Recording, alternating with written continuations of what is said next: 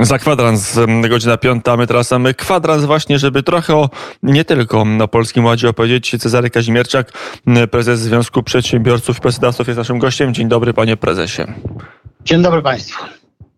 25 stycznia, czy już przedsiębiorcy, czy już pan oswoił się z Polskim Ładem? No nie wiem, myślę, że to oswajanie trochę zajmie. No, rząd tutaj stara się korygować e, te, te różne błędy i wpadki, które, e, które e, popełnił, ale czy to wystarczy, to nie wiem. No, na pewno pozytywnie trzeba ocenić to, że e, próbuje e, z tym jakoś walczyć i próbuje co z tym robić. Co będzie dalej, zobaczymy.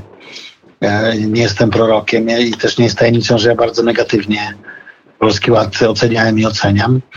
No ale no zobaczymy, może jakaś głębsza refleksja dzięki temu przyjdzie i wreszcie po tylu latach walki uda się nam te podatki uprościć. Mm, I będzie prościej, bo jak na razie chyba prościej nie jest. I to jest podstawowy, główny zarzut, że polski ład, y, polski system podatkowy jeszcze bardziej zagmatwał i skomplikował. No tak, no to jest nasz główny zarzut. No, co do samej idei, czyli e, przede wszystkim ulżenia, um, ulżenia e, podatkowego e, tym, tym najmniej zarabiającym, najmniej zamożnym e, i zmniejszenia degresywności tego systemu, to, to się zgadzaliśmy e, z rządem, jak również zgadzaliśmy się w tym, że podstawową formą rozliczania się małego biznesu był ryczałt ewidencjonowany, podatek prosty, może nie z takimi stawkami, bo te stawki są z lat 90., choć mamy obietnicę, że będzie w tym roku na ten temat dialog, zobaczymy jak to będzie. Natomiast no, my proponowaliśmy, żeby e, to, co państwo w podatku, pomorze podatku straci na podwyższeniu kwoty wolnej od podatku, e, pobrać od korporacji, które tutaj w Polsce nie płacą podatku. Natomiast no, rząd zdecydował inaczej, zdecydował się wziąć to od e, polskich przedsiębiorców, nad czym bardzo ubolewam. Plus no tutaj no ta trochę pycha e, tych młodszych urzędników w Ministerstwie Finansów, którzy, e, którzy myśl, e, nie wiem, zachowywali się jakby wszystkie rozumy pozjadali, się okazało, że jeszcze do zjadania tych rozumów tym daleko. Mm, także no, teraz za to są wystawiane polityczne rachunki i rząd te rachunki no, będzie płacił. Mm, wśród obywateli, wśród e, przedsiębiorców. Ile jest prawdy w tym, że e, Polski Ład już destrukcyjnie działa na polską tkankę gospodarczą, że już są firmy, które się zamykają właśnie z tego, a nie innego powodu, że wprowadzono mm, tą reformę podatkową? Mm, nie wiem, nie, nie, nie. myślę, że to jakaś marginalna sprawa. No teraz mamy do czynienia i to rząd no, ma pecha. Pan prezes zrzesz, zrzesza dziesiątki tysięcy przedsiębiorców. Oni raportują, zgłaszają, żalą się tak, albo chwalą. Tak. Ma pan unikatową bazę wiedzy. I co z tej wiedzy wynika? No, z tej wiedzy to przede wszystkim e, wynika, że w internecie są wyciągane jakieś absurdalne wnioski z tego powodu, że się piekarnia zamknęła. No, na 10 nowo otworzonych biznesów pierwszy rok przeżywa połowa, czyli 5, a 10 lat jeden. E, także otwieranie i zamykanie firm to jest coś zupełnie normalnego. No, e, polski rząd, polska gospodarka, polscy przedsiębiorcy i polscy obywatele mają wyjątkowego pecha, bo zbiegło się kilka e, naraz w jednym czasie e, kilka niekorzystnych zjawisk. To pierwsze to jest inflacja, za którą w dużej mierze pro, e, problem importowany z zagranicy rząd tutaj troszkę ponosi odpowiedzialność swoją y, polityką wzniecania popytu, zbyt późną reakcją, y, jeżeli chodzi o tani pieniądz i utrzymywanie tego taniego pieniądza. No, trochę odpowiedzialności za to ponosi, ale w większości to jest, to jest importowane ceny energii, e, ceny energii gazu, no to jest i paliw, to jest kolejny, no to, to tu rząd e, ma naprawdę prawie żaden wpływ, no przy całej potędze prezesa Obajtka. Póki co nie ma on jeszcze możliwości ustalania ceny ropy, na, baryłki ropy naftowej, czego mu życzę, no ale na razie jeszcze takiej mocy nie ma. Więc tutaj no, ani polski rząd, ani polskie firmy paliwowe no, nie, nie mają wpływu na tą cenę. Rząd obniżył podatki w, te, w tym zakresie, więc ta cena została zbita. No ale kilka tych czynników naraz uderza w Polskę, polską gospodarkę, rząd i tak dalej. No i niestety jednym z nich jest chaos związany e, z Polskim Ładem. No, gdyby, gdyby to było w innym czasie i te inne e, choroby współistniejące nie występowały, to byłoby to e, dużo mniejszy wpływ. Natomiast nie sądzę, żeby był to jakiś istotny problem gospodarczy, że wchodzi Polski Ład i padają firmy. Czegoś takiego nie ma. Mm, to jeszcze e, przyjrzyjmy się e, poza Polskim Ładem na te inne czynniki. Inflacja, e, ceny gazu, na ile jest tak czytam, czy innych nośników energii, na ile to po prostu spowoduje, że przedsiębiorcy przerzucą koszty na konsumentów i pojawi się inflacja w jeszcze większym wymiarze, a, a na ile to może spowodować jakieś tsunami na polskim rynku, na, wśród, wśród polskich przedsiębiorców. Przedsiębiorcy y, teraz, y, przedtem i zawsze te koszty przerzucą na konsumentów w 100%. To nigdy nie było inaczej, nigdy nie będzie inaczej. Więc y, tą cenę finalną za to zapłaci ostatni konsument, znaczy ostatni odbiorca danych produktów i usług, co jak będą te ceny rosły, no będzie y, ograniczało popyt tak, i sprzedaż. Będzie to miało y, wpływ na firmy, bo będą mniej sprzedawać i będą, będą mniej rentowne. No i też przełoży się na wpływy do budżetu, bo w Polsce budżet VAT-em stoi, tak, rząd kocha VAT i, i, i stąd ta polityka w ostatnich dwóch latach takiego mocnego wzmacniania popytu, żeby jeszcze większy ten VAT do budżetu generować plus z poradami różnych młodych y, neomarksistowskich ekonomistów, że to już nie jest jakaś nowa ekonomia, że to można tam robić co się chce, te prawa ekonomii to, y, to są teorie dawno zmarłych ekonomistów i tak dalej, i tak dalej. No to teraz te teorie dawno zmarłych ekonomistów się ukazały w całej, y, w całej okazałości i trzeba będzie za to zapłacić. I tu bardzo niepokojąca jest narracja rządu z kolei, który wszystkich przekonuje, że próbuje przekonać, że nikt na tym nie straci, że rząd zrobi tarczę taką, owaką, e, że, że, że, że wszyscy wyjdą na tym na zero. No to jest oczywiście nieprawda. No i ja się bardzo boję, żeby rząd nie został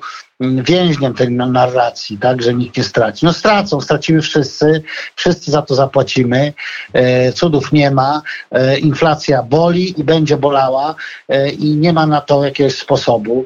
E, jak dobry Bóg da, to wyjdziemy z tego w połowie przyszłego roku, no ale póki co nasza gospodarka pędzi, więc nie będą jakieś takie skutki, których no, moje pokolenie choćby pamięta. No, dzisiaj ktoś mówi o inflacji tam 8%, no to pusty śmiech ogarnia, bo ja jestem z epoki, gdzie inflacja była kilkaset procent miesięcznie.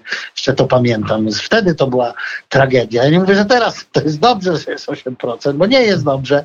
Natomiast e, no, jeżeli to się uda utrzymać w ryzach, tak nie wiem, do 12% powiedzmy, no to te rany będą kłute, ale nieśmiertelne, tak? Ani, e, ani tam za dużo krwi e, z nas ta inflacja nie utoczy, jeżeli to w jakimś takim przedziale, w tym szczytowym momencie E, się utrzyma. E, no ale mam nadzieję, że tu wspólnie e, wspólnymi środkami uda się powstrzymać to w połowie przyszłego roku 23. No a przede wszystkim, że rząd no nie będzie dolewał oliwy do ognia i tworzył jakichś nowych E, programów socjalnych, a najlepiej by było, jakby zlikwidował kilka starych, co by pomogło, e, pomogło też. Ale to jest tak, że Pana zdaniem e, ta inflacja jest jakkolwiek związana chociażby z wprowadzeniem 500 plus w roku 16, że to się tak odkłada w czasie, bo tu, można mieć wątpliwość, pierwsze, że ja mam wątpliwości. 500 plus my, pierwsze 500 plus my popieraliśmy.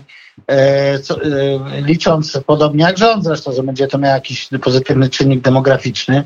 Okazało się, że tak nie jest, że to nie ma wpływu demograficznego, ale inną, inny bardzo ważny problem społeczny zlikwidowały, mianowicie skrajne ubóstwo wśród dzieci. I my 500 plus na drugie dziecko i kolejne popieramy. Nie popieramy 500 plus na pierwsze dziecko. Ja od prominentnego polityka PiS słyszałem, że jest to inteligentne wprowadzenie obniżki podatków z jednoczesnym wprowadzeniem bykowego, nie nazywając tego ani podatkiem, ani bykowym. No więc nie stać nas w tej chwili na e, obniżenie podatków i 500 plus na pierwsze dziecko powinien być zlikwidowany e, i tyle, podobnie jak 13 emerytura i parę innych jakichś tam pomniejszych e, programów socjalnych, e, nie tylko z uwagi e, na, na, na ich wpływ ale na inflację. Pytanie, ale na, również... właśnie, na ile ale również? Ale również na stan budżetu państwa. No, e, państwo powinno wydawać pieniądze bardzo rozsądnie, gdyż to nie są pieniądze państwa, bo państwo nie ma żadnych e, własnych pieniędzy, ma tylko te pieniądze, które odbierze w podatkach obywatelom. W związku z tym należy im się e, szacunek i należy je trzy razy oglądać, a nie rozrzucać na lewo i na prawo. Te helikoptermany, które było w ostatnich latach, no miało pewien wpływ na inflację. Ja nie mówię, że decyduje na wybuch tej inflacji. Ja nie mówię, że to miało A może na inflację miał wybuch zbyt duże dotowanie przedsiębiorców. Przedsiębiorstwa en masse w całości miały więcej pieniędzy na koncie po pandemii niż przed. Możeśmy jako podatnicy za bardzo nafutrowali przedsiębiorców pieniędzmi i stąd ta inflacja.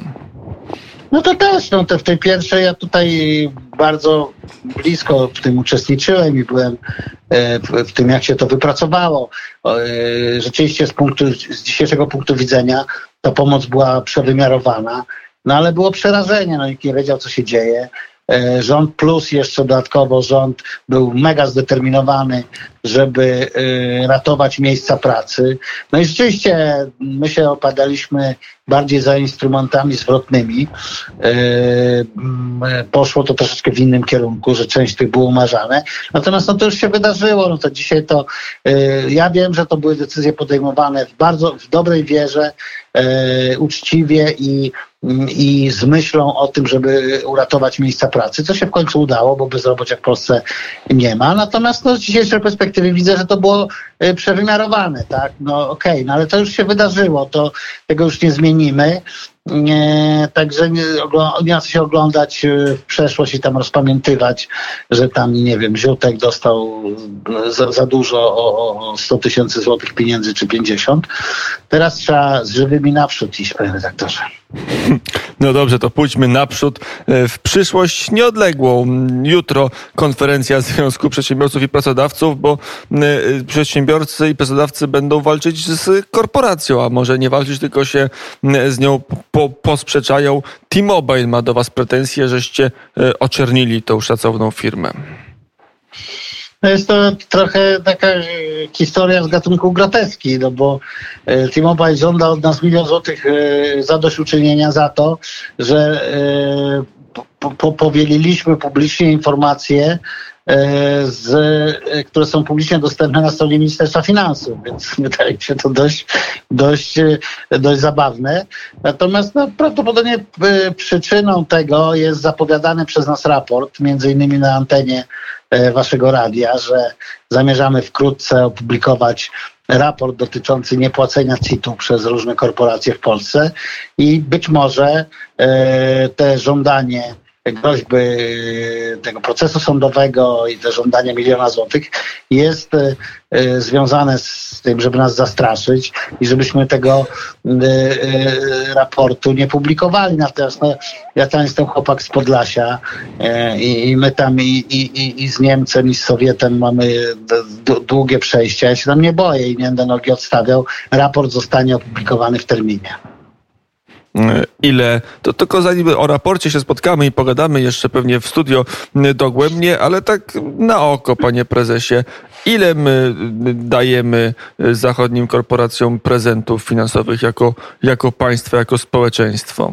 Ile oni powinni zapłacić, różnie to jest, Różnie to jest liczone, ale to jest w moim przekonaniu kwota kwota e, około 100 miliardów e, co najmniej złotych.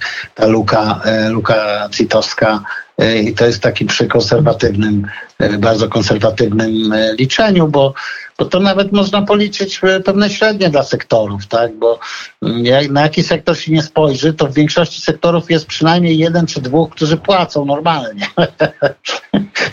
I to może być taki benchmark, żeby móc ocenić, e, ocenić e, mm, jak to wygląda. Na przykład w sektorze E, Ministerstwo Finansów w czasie negocjacji Polskiego Ładu twierdziło, że my wykończymy inwestycje, jak wprowadzimy ten jednoprocentowy minimalny CIT. Wprowadzimy ten jednoprocentowy minimalny CIT.